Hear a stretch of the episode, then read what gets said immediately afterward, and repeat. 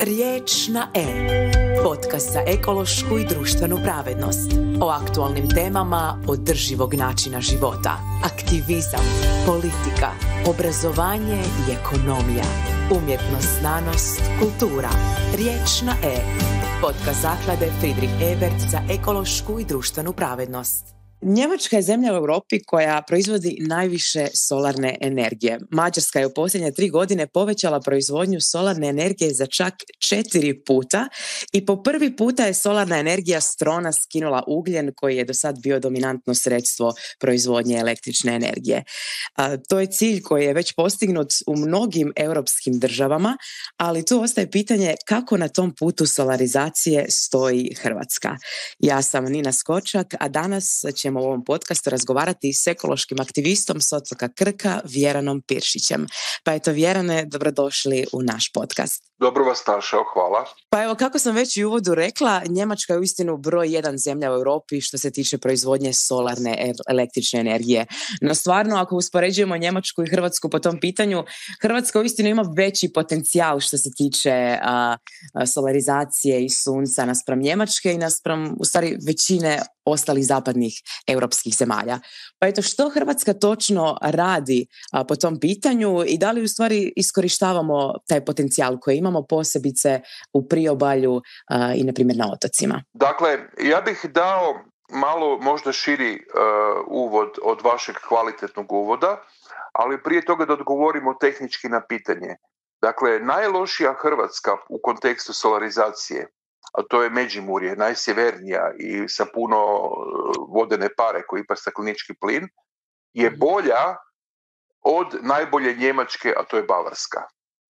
Dakle, ako u Njemačkoj postoje opravdanost komercijalna i šira od komercijalne, dakle ekološka i slično, za postavljanje velikog broja uređaja za korištenje sunčeve energije, pri čemu to mislim i na fotonaponske panele koje proizvode struju, tako i na termalne panele koji proizvode toplu vodu. E, mhm. Kako u Malmeu ima više fotonaponskih panela nego u Splitu, samo što stoje okomito zbog niskog sunca na horizontu dobar dio godine, onda je e, sigurno to priča koja je dobra, to je priča koja je isplativa i to je priča koja je po novom od Brisela strahovito politički i financijski podržana. Mhm. To je prva teza. Druga teza, kad pogledate službene podatke recimo na Wikipediji, Hrvatska je među najlošijim državama u Europi, u Europskoj uniji po korištenju sunčeve energije. Kako za proizvodnju tople vode, tako i za proizvodnju električne energije.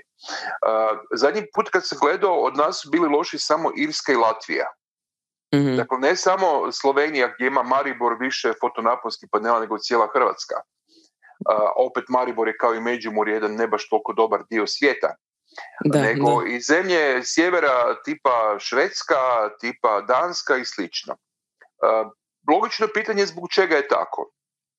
Ono što trebamo reći istinu, da je Hrvatska napravila u, e, sve što je mogla u malo manje od deset godina da spriječi solarizaciju Hrvatske. Mhm. Kad kažem Hrvatska, mislim vlada Republike Hrvatske. Konkretno, priča sa solarizacijom krenula je ozbiljnije 2008. godine, paralelno s time išla naša nova energetska strategija koja je zapravo tražila dvije termoelektrane na ugljen. Dakle, dok se svijet sve više i više okretao prema obnovljivim izvorima energije, dakle, ne samo suncu nego i vjetru, e, geotermalno i biomasi, e, hidro je tu bio od prije jasno, e, u Republici Hrvatskoj se dogodilo da, čak možemo reći točno datum, 4.7.2013. godine bio je sastanak u ministarstvu gdje su rekli da je solar energija glupost, da oni neće plaćati 350 eura megavat sat i da treba razvijati termotrane na ugljen. Dakle, mi smo mhm. imali političku odluku ministra Vrdoljaka i njegove svite da e, odustanu od solara i to se u praksi svelo na permanentno podmetanje klipova pod noge onima koji su usprkos državnoj politici pokušali to realizirati. Naprimjer, mhm. Na primjer, prva stvorna kuća Špansko u Zagrebu od dr. Ljube Majdančića, on je morao prikupiti 82 e, papira i 510 stranica dokumentacije da bi spojio svoju fotonaponsku bez bilo koji poticaj na mrežu. on je morao četiri godine davati besplatnu energiju HEP-u jer nije mogu riješiti papire za otkup te energije. Mm. I e, to je kasnije palo na 66 papira, danas je palo na 3. Dakle, da skratimo, bilo je potrebno zatvoriti projekte velikih termotrana na ugljen, na uvozni ugljen u pločama i u plominu i to baš iz Kolumbije. Ja sam tek kasnije shvatio da možda iz Kolumbije ne bi dolazio samo crni prah. Možda se nije, niste tako crno. Kad smo vidjeli da u pločama imaju u banarama kokain, možda je bila ideja o 150.000 tona ugljena uvesti par tona kokaina. Da, da, da. Ali e, to sad digresija koja nije toliko bitna. Dakle, tek kada su dva projekta bila zaustavljena koja su bila opasna ne samo za okoliš nego i za energetiku. Što bi bilo danas sa HEP-om da je počeo raditi plomin C, a ovako onako je potrošio navodno 50 miliona eura samo na dokumentaciju, bacio ih i u prah, mhm. da se dogodilo, tek e, onda 2018. godine se počelo otvarati tržište prema solarima. Konkretno napisani su pravilnici koji su omogućili da e, sa samo tri papira dobijete e, spajanje vaše vlastite fotonaponske na mrežu. E, zakon je bio od 1.1.2016, čekali smo ga dvije godine. I sad u konačnici da odgovorim na vaše pitanje, država napravila jako malo, a građani jako puno i gospodarstvenici. Mhm. Konkretno, dakle, 2009. osnovana je prva regionalna energetska agencija u Hrvatskoj u Rijeci, Rea Kvarner, osnovan je solarni klaster, 2012. kod nas na Krku e, prva energetska zadruga u Hrvatskoj, 2012. E, naš je otok donio odluku da bude najkasnije 2030. energetski nezavisan i karbon neutralan. Da mhm. budemo jasni, dakle mi smo donijeli 2012. političku odluku na našim vijećima je donio Brisel 2020. godine. Da, da, da. Sa ciljem da to realiziramo 2030, a Brisel hoće 2050. Dakle, bili smo 8 godina prije u odluci, 20 godina prije u target realizaciji od Brisela i 2019. napravljena je tvrtka Otok Krk Energija. Što bi se reklo, na terenu građani svačaju da su 2 i 2 četiri. Ono što je tragično je da je država e, toliko pod interesnom e, grupacijom mhm. lobija, koje nekad je to bila nafta, sad onda bio ugljen, sad je to plin, dakle prvo Hrvatsko plinarsko društvo iz Vukovara, Ovaj, to je toliko jako kad se bi redovno na kongresu energetičara zovu našu regulatornu agenciju HERA, zovu mm drugo, drugo hrvatsko plinarsko društvo. Jer zapravo politiku vode plinaši koji voze ruski plin. A to je sad posebna priča. U mhm. svakom slučaju e, situacija nije dobra, ali se borimo e, već godinama od 2009. da popravimo, imamo rezultate. A, baš sam to htjela pitati, pitala sam to i e, svoju prethodnu gošću, da li bi ta promjena trebala doći od dozgo da li bi inicijator te promjene trebala u stvari biti visoka politika ili je ključ u tome da građani putem svojih inicijativa i da građani u stvari rade, rade pritisak. Što vi mislite iz vašeg iskustva? Ja ću vam reći osobno mišljenje i reći ću vam mišljenje grupe ljudi kojima pripadam, od koji su mnogi puno mudriji od mene. Mhm. Dakle, moje osobno iskustvo je, ja sam bio u Saboru kad je padao ZERP, kad je u doba Sanadera bio ukidan ZERP i to je uništilo skoro Jadran. Mhm. I kad sam vidio koji sve ljudi sjede u saboru i kako, koje gluposti valjaju, bio sam gore na galeriji do pola jedan kad se bilo glasalo, e, samo su Ivica Pančić i Mirela Holi bili protiv toga, ja sam rekao ja Zagrebu više ništa ne vjerujem. Da, da, da. Dakle, to je bilo prije nekih 15 godina i ja sumnjam da u Zagrebu postoje, govorim Zagreb kao političko monstruma, ne? kao mm metropolu u najgorem smislu te riječi, ovaj, ja ne vjerujem da u Zagrebu postoji dovoljno političke mudrosti, a kamo tek racionalnosti, da pokrene bilo koju pametnu politiku. Pa ako mhm. malo pogledamo, sve smo upropastili. Poljoprivredu smo upropastili, energetiku smo upropastili, turizam pokušavamo upropastiti preko resorte, golf terena, ono, kolonizacije obale. Tako da mi kažemo na Krku, mi ćemo sve napraviti. Mi ćemo projekt osmisliti, mi ćemo projekt realizirati, mi ćemo projekt optimizirati, mi ćemo projekt financirati, daj Bože da Zagreb samo ne smeta. Jer Zagreb obično čak i dobre zakone pokvari sa lošim pravilnicima. Mhm. Eh, na primjeru kad smo radili gospodarenje otpadom, po čemu smo čuveni, četvrte, Um, rekli su nam da smo budale jer vadimo papir i smeća, a to je loše za buduću spalionicu u Zagrebu, nje gori potencijal otpada. One bale koje imate na ulazu u Varaždin, to su zapravo posljedice te pogrešne politike. Dakle, mi smo realizirali Krku 14 ekoloških projekata, sve potpuno suprotno državnim strategijama i bili smo uvijek deset godina prije njih. Tako da e, moje mišljenje je da od ove e, izvršne vlasti, zapravo pardon, od bilo koje izvršne vlasti i onaj koji je Vrdoljak bio ministar nije bila ništa bolje, da pače bile puno gora ne možemo očekivati progresivne pomake, a to je vjerojatno posljedica toga što naše takozvane političke elite se, svađa, se svode na političke mediokritete. Onaj mm ko mhm. ne uspije u privatnom biznisu, on ide u politiku. Ne? I kad vidite ko se ponavlja sjedi u saboru, ko se sjedi po ministarstvima, to su ljudi koji su podkapacitirani. pogotovo za ove teme e, možda postoje neki sjajni ljudi, recimo nemam pojma u kulturi, lupam na pamet, ne? i u nekom ministarstvu koji su fascinantno dobri. Ali ono što sam ja vidio u životu od ministarstava, a znam ih 5-6, kad se na mori morate ići u Zarevu u 5-6 ministarstava, ehm, vrhunski državni birokrata je incident. Ima ih nekoliko, ima ih nekoliko energetici, da pače, ali ehm, politika nacionalna koja je dominirana lobijima, ehm, rekao sam što se dogodilo sa ugljenom i sa privatnim interesima gdje često kompanije plaćaju i političarima troškove izbornih kampanja. Da, da, da. Te kompanije plaćaju, e, blokirale su po meni e, nekakvu viziju nacionalnog razvoja i sve odluke koje donose, donose se prekasno i parcijalne su. E, evo jedan primjer, ta strategija iz 2009. koju je Sabor izglasao u devetom mjesecu je predviđala samo 50 MW solara i 1200 MW vjetra. Dakle, 24 puta više vjetra nego, što, nego solara. To ima smisla u Škotskoj, gdje nema sunca, ali ima stalnog vjetra sa Atlantika.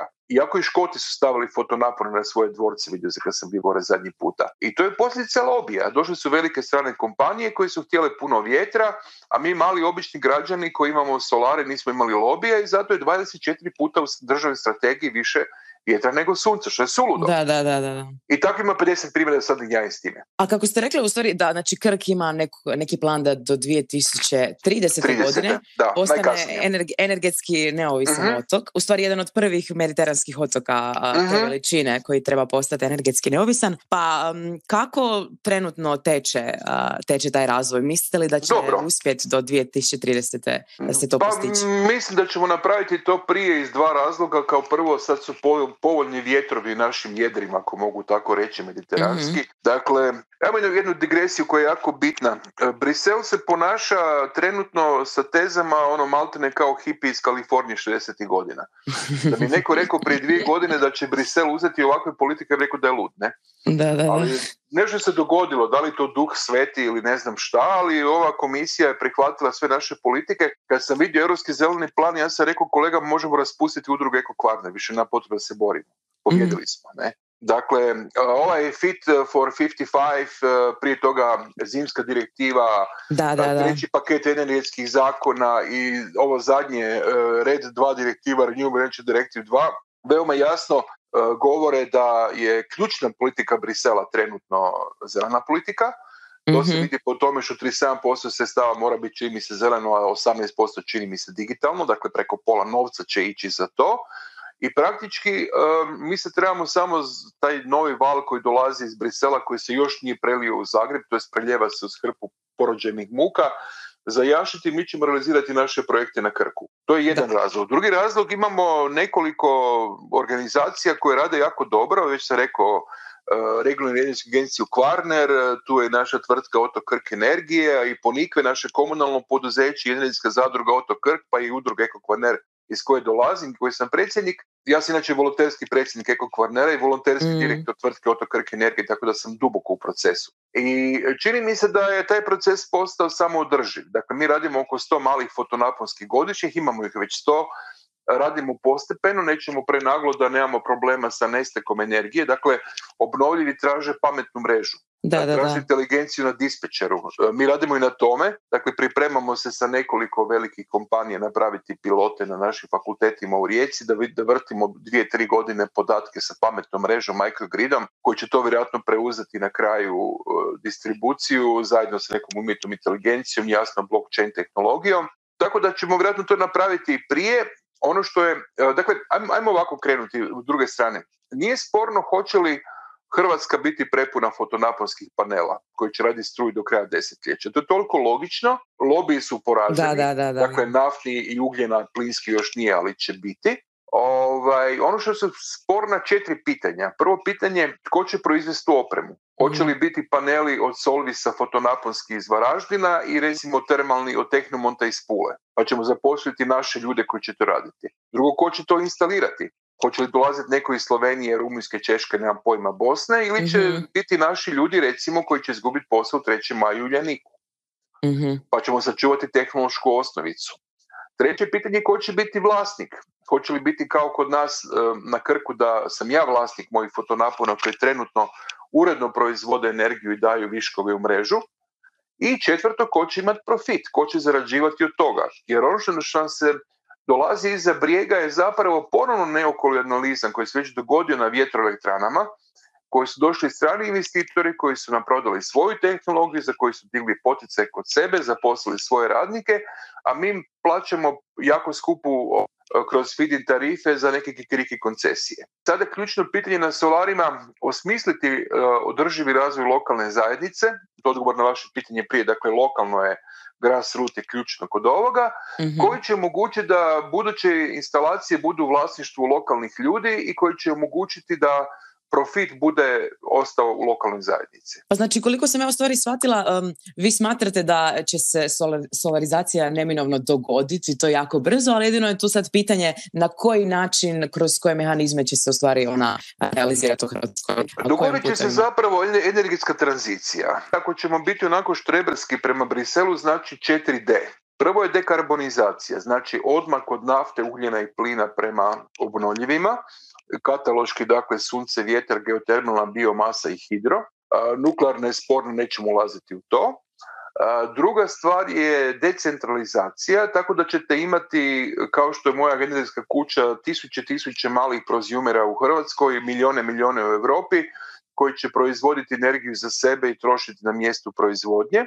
E, treće je digitalizacija, dakle to su pametne mreže i četvrto demokratizacija ili ono što sad govore svi političari proaktivni energetska demokracija ili građanska energija. To su dva pojma mm koja se koriste. I mi smo tu dobri na Krku, zaista nešto da ja sam Krka, nego imamo rezultate, očito nas ljudi dolaze vidjeti, šalju nas po svijetu, zovu nas po svijetu. Ono što je ključno u svemu tome, kažem da taj proces bude lokalan, da bude customiziran prema lokalnim e, optimumima, Mhm. Dakle, nije isto raditi to na Hvaru ili na Krku, a kamo tek na otoku Reunion, bili smo prije covid su nas Francuzi, nas četvoricu poslali na otok Reunion, Indijski ocen, da malo izminimo iskustva i tako pomognemo njima. E, bio sam u Barceloni prošli tjedan, tako da znam šta se događa na Mediteranu. E, ne, nego je ključno zapravo imati lokalne aktere koji će preuzeti modele. E sad tu imamo problem, imamo problem što ovo manjak modela jedan mhm. od napora koje čeka nas na Krku vjerojatno sljedeće zime da naše iskustva ekstrapoliramo nekakvu matricu odlučivanja, dakle da ne bude copy-paste na drugim lokacijama, nego da se vidi zapravo koji su procesi koji vode prema ako ne optimalnom rješenju, da barem prema zoni optimalnih rješenja. Pa definitivno. to napraviti, da. Mislim, kad govorimo o obnovljivim izvorima energije, mislim da je nekako lokalno planiranje ovdje ključno, jer ne može se uistinu, kao što ste rekli, ne možete isti model primijeniti na Krku i na Hvaru ili na nekom trećem otoku u Zagrebu. Stvarno, znači ovdje je nekako lokalno da, ali su, ali, su algoritmi isti. Dakle, ako se u istom zakonskom okviru, u istom energetskom okviru, u istom klimatskom okviru, onda možemo pokušati biti toliko intelektualno jaki da ekstrapoliramo znanje u algoritme. Ja sam inače glupi matematičar po vokaciji i mhm. informatičar po struci, tako da možda razgovaram malo za obične normalne ljude ovaj čudno, ali mi smo matematičari malo čudni već par tisuća godina, ne? Tako da ovaj, e, nam, ne? da, nismo, nismo fizičari kao ono tori velikog praska sreće. Da, da, da, da, da. O, dakle, cijele priče u tome da postoji jako puno iskustva, a e, kao što dobro znate, bilo koji sustav kad se njega utisne, iskustvo inteligencije se optimizira. Mm. I um, jedna jako bitna stvar, to koje smo bili prije govorili, pametne mreže i slično, e, jako je veliki problem se događa recimo u Kaliforniji sa jakom penetracijom obnovljivih. Navodno su četiri puta imali blackout, su ostali bez struje. Engleska je dva puta bila preklani u devetom mjesecu. ja dio Južne Engleske ostao bez struje. Kad jedna pućinska vjetroelektrana je bila stala, pa se plinska koja je bila backup nije sinhronizirala na vrijeme na mrežu. Dakle, čak i dio Londona ostao bez, bez struje. Dakle, sa obnovljivima trebate raditi pametno, mi to znamo, e, znamo koji su problemi i treba raditi onako, ajmo reći, male korake Hrvatska donijela političku odluku 10.6. prošle godine da ide na 2 gigavata solara, 2 gigavata vjetra, to je dobro. Mhm. Ono što nije dobro, što će izgleda država podržavati opet velike investitore, pojednostavljeno kad vjetro ima vjetroelektranu, njemu će biti super da poploči između stupova sa fotonaponom i da tu struju izvaža recimo ono, na zapadno tržište kao zelenu energiju. Mm. Umjesto da radimo, um, da podržava, podržava male korisnike, male fotonapore našim krovima koji imaju proizvodnju na mjestu potrošnje, koji imaju najveću proizvodnju koja je najveća potrošnja po ljeti država zapravo će izgledati ponašati kao superhik, uzimat će siromašnjima davati bogatim. To sam vas baš htjela pitati, odnosno razgovarati o tome s vama, znači mhm. malim fotonaponskim elektranama. Vi u stvari imate i vlastitu na svom mhm. domu, koliko sam shvatila. Tako je. jako je zanimljiva vaša publikacija koju ste izdali u stvari zajedno sa Vesom. Moja energija, moja sloboda, baš sam to pročitala neki dan. U istinu, znači, za one koje ne znaju, u deset koraka ste objasnili kako sam, kako bi čovjek Jeste razumjeli, jeste uspjeli shvatiti moju logiku? Da, da, da, jesam, jesam, jesam. To je ključ, dakle ja sam želio da obični mali ljudi kao što smo vi i ja, se pripreme za razgovor sa kvalificiranim projektantom da mogu artikulirati svoju situaciju i jak doći jednostavno do optimalnog rješenja. Stvarno je odlična publikacija zato što stvarno osobi koja je potpuni like po tom području istinu ste jasno objasnili koji su točno procesi i na, na što se točno čovjek treba pripremiti. Ali evo, da vas pitam, možete li iz vlastitog iskustva reći nekome ko možda razmišlja da ima svoju vlastitu fotonaponsku elektranu, kako to funkcionira? Imate, trebate li se suzdržavati u nekim momentima? Da li morate planirati svoju potrošnju struje i slično? Pa gledajte, e, priča je jako jednostavna. kao prvo, Imamo još jedan moment koji bi volio naglasiti koji nije energetski, a to je, ajmo reći, antropološki ili psihološki i sociološki element. Mhm, naravno. Kada se vi ujutro ustanete i upalite svjetlo, hvala ti HEP dao si mi svjetlo, ono, upali, idite oprat se, umiti, hvala ti ili tuširati, hvala ti ponikve, dao si mi vodu i tako dalje, pa ideš u nekakav trgovački lanac, hvala ti dao si mi hranu, ne? Ehm, vi niste slobodan čovjek još u 60. godina prošlog stoljeća neki veliki psiholozi govorili o podsvjesnom strahu eh, modernog čovjeka od zavisnosti. Dakle, Ehm, nestane struje, mi gubimo vodu. Mi smo u roku od dva, tri dana u kamenom dobu, ne? Da, točno to, točno I e, ovaj just in time e, e, opskrba, vidimo što se događa u Engleskoj. Kad je bilo snijeg prije dvije, tri godine i bila je prekinuta cesta prema Ljubljani i prema Zagrebu, rijeka je bila skoro ostala bez mlijeka. I kad smo radili procjenu u Županiji, onda je bilo da imamo hrane za pet i po dana u rijeci. Dakle, mi imamo sedmi dan glad. Tako da ova ideja e, nezavisnosti koja nije samo energetska nego i na bazi vode i na bazi hrane je po meni jako bitna u teška vremena koja dolaze jer e, mnogi modeli klimatskih promjena govore da nas čeka možda Mad Max. Da, da, da. A opet neki drugi modeli govore da nas čeka Terminator, ali to je posebna priča. U svakom slučaju e, imati nezavisnost je jedan dobar psihološki osjećaj. Ja mogu vam reći, evo, kad smo prvi dan radili struju, kad sam se ujutro probudio, kad došlo sunce, ja sam bio presretan. Ja sam bio Imate presretan. struju, da. ona ideja, ideja, ono, sunce, eh, ja imam vlastitu struju, grijem se na vlastitu struju, eh, odem u vrtu, uberem ubere se, ono, ne znam, menta, melisa, kadulja, napravi se čaj i još neka vlastita voda od vlastite kišnice, ne? Da, Mislim, to je nešto što ne možete platiti. Ali to je sad za ove koji su malo ovako, ajmo reći, otkačenjaci od e, zapadne civilizacije koja je potrošačka i neoliberalna.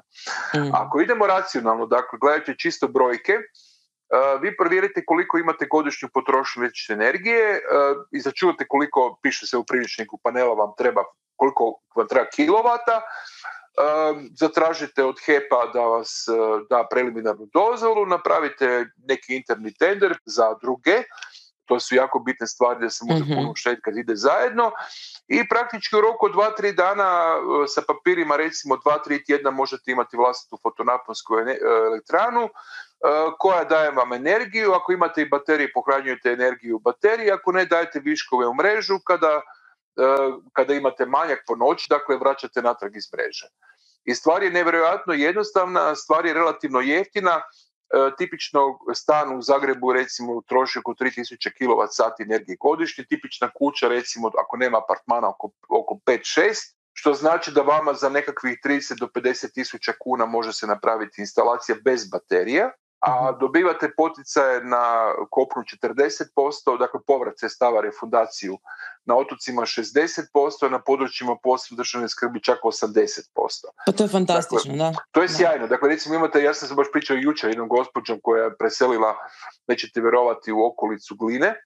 Mhm. Žena je kupila ono šest hektara zemlje i kuću, dakle ona e, ako je troši 6000 kilovat sati, ona dakle e, može napraviti to za 5 kW, to je 50 tisuća kuna, država je vrati 40 tisuća kuna, 10 tisuća kuna ima.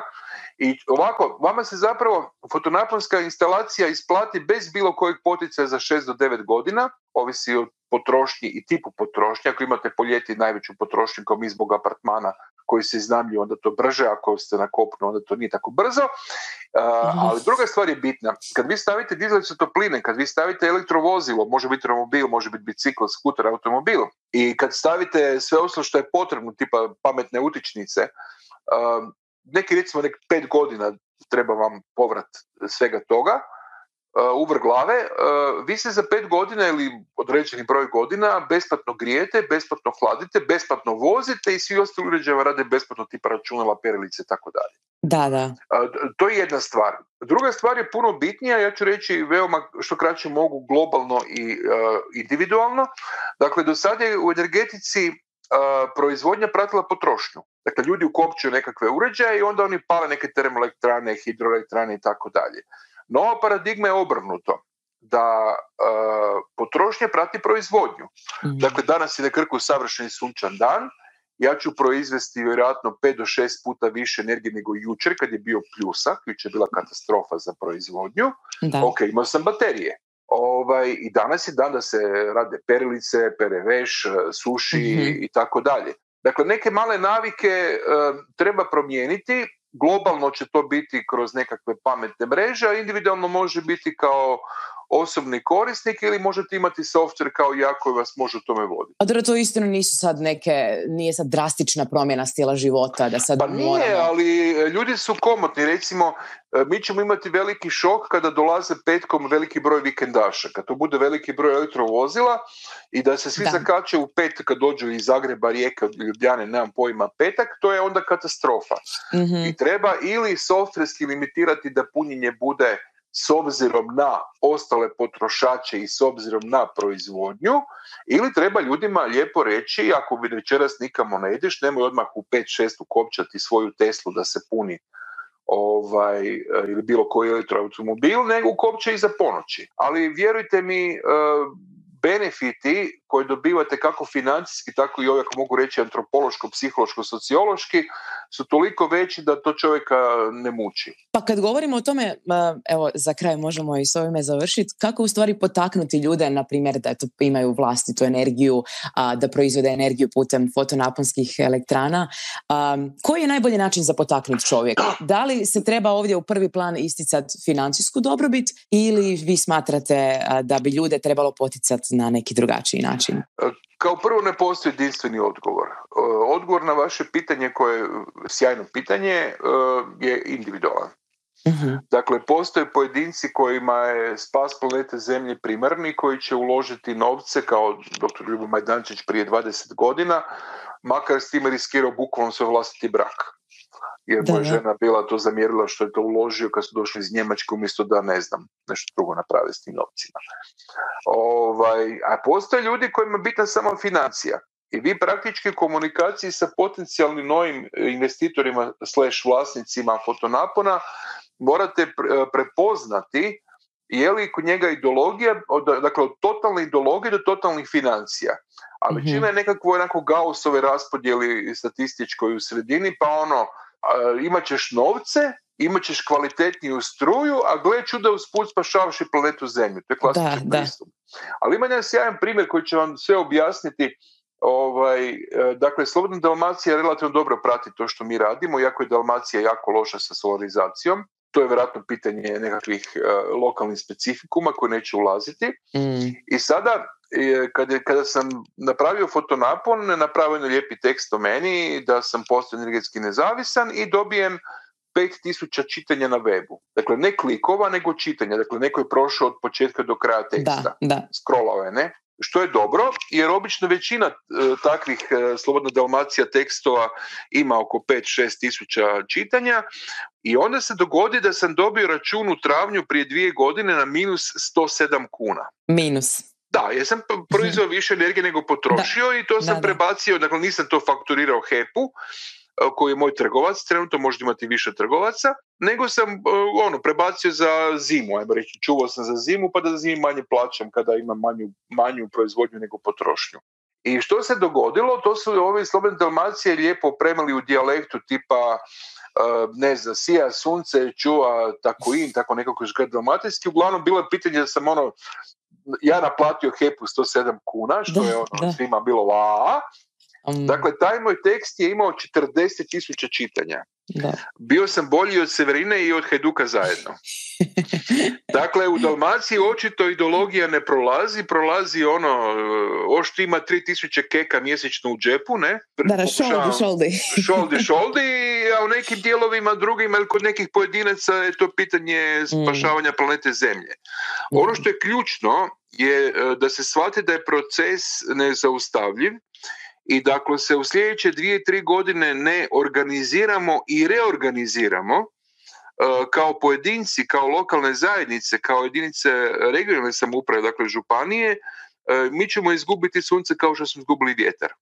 I bit će izgubljena šansa za novu reindustrializaciju Hrvatske i to ne samo na proizvodnji opreme, nego na instalaciji opreme, jer ako mi škvera ne prebacimo, brodogradilište prebacimo na montažu, oni će se lako moći vratiti za par godina ako se obnovi brodogradnja odmah drugi dan natrag.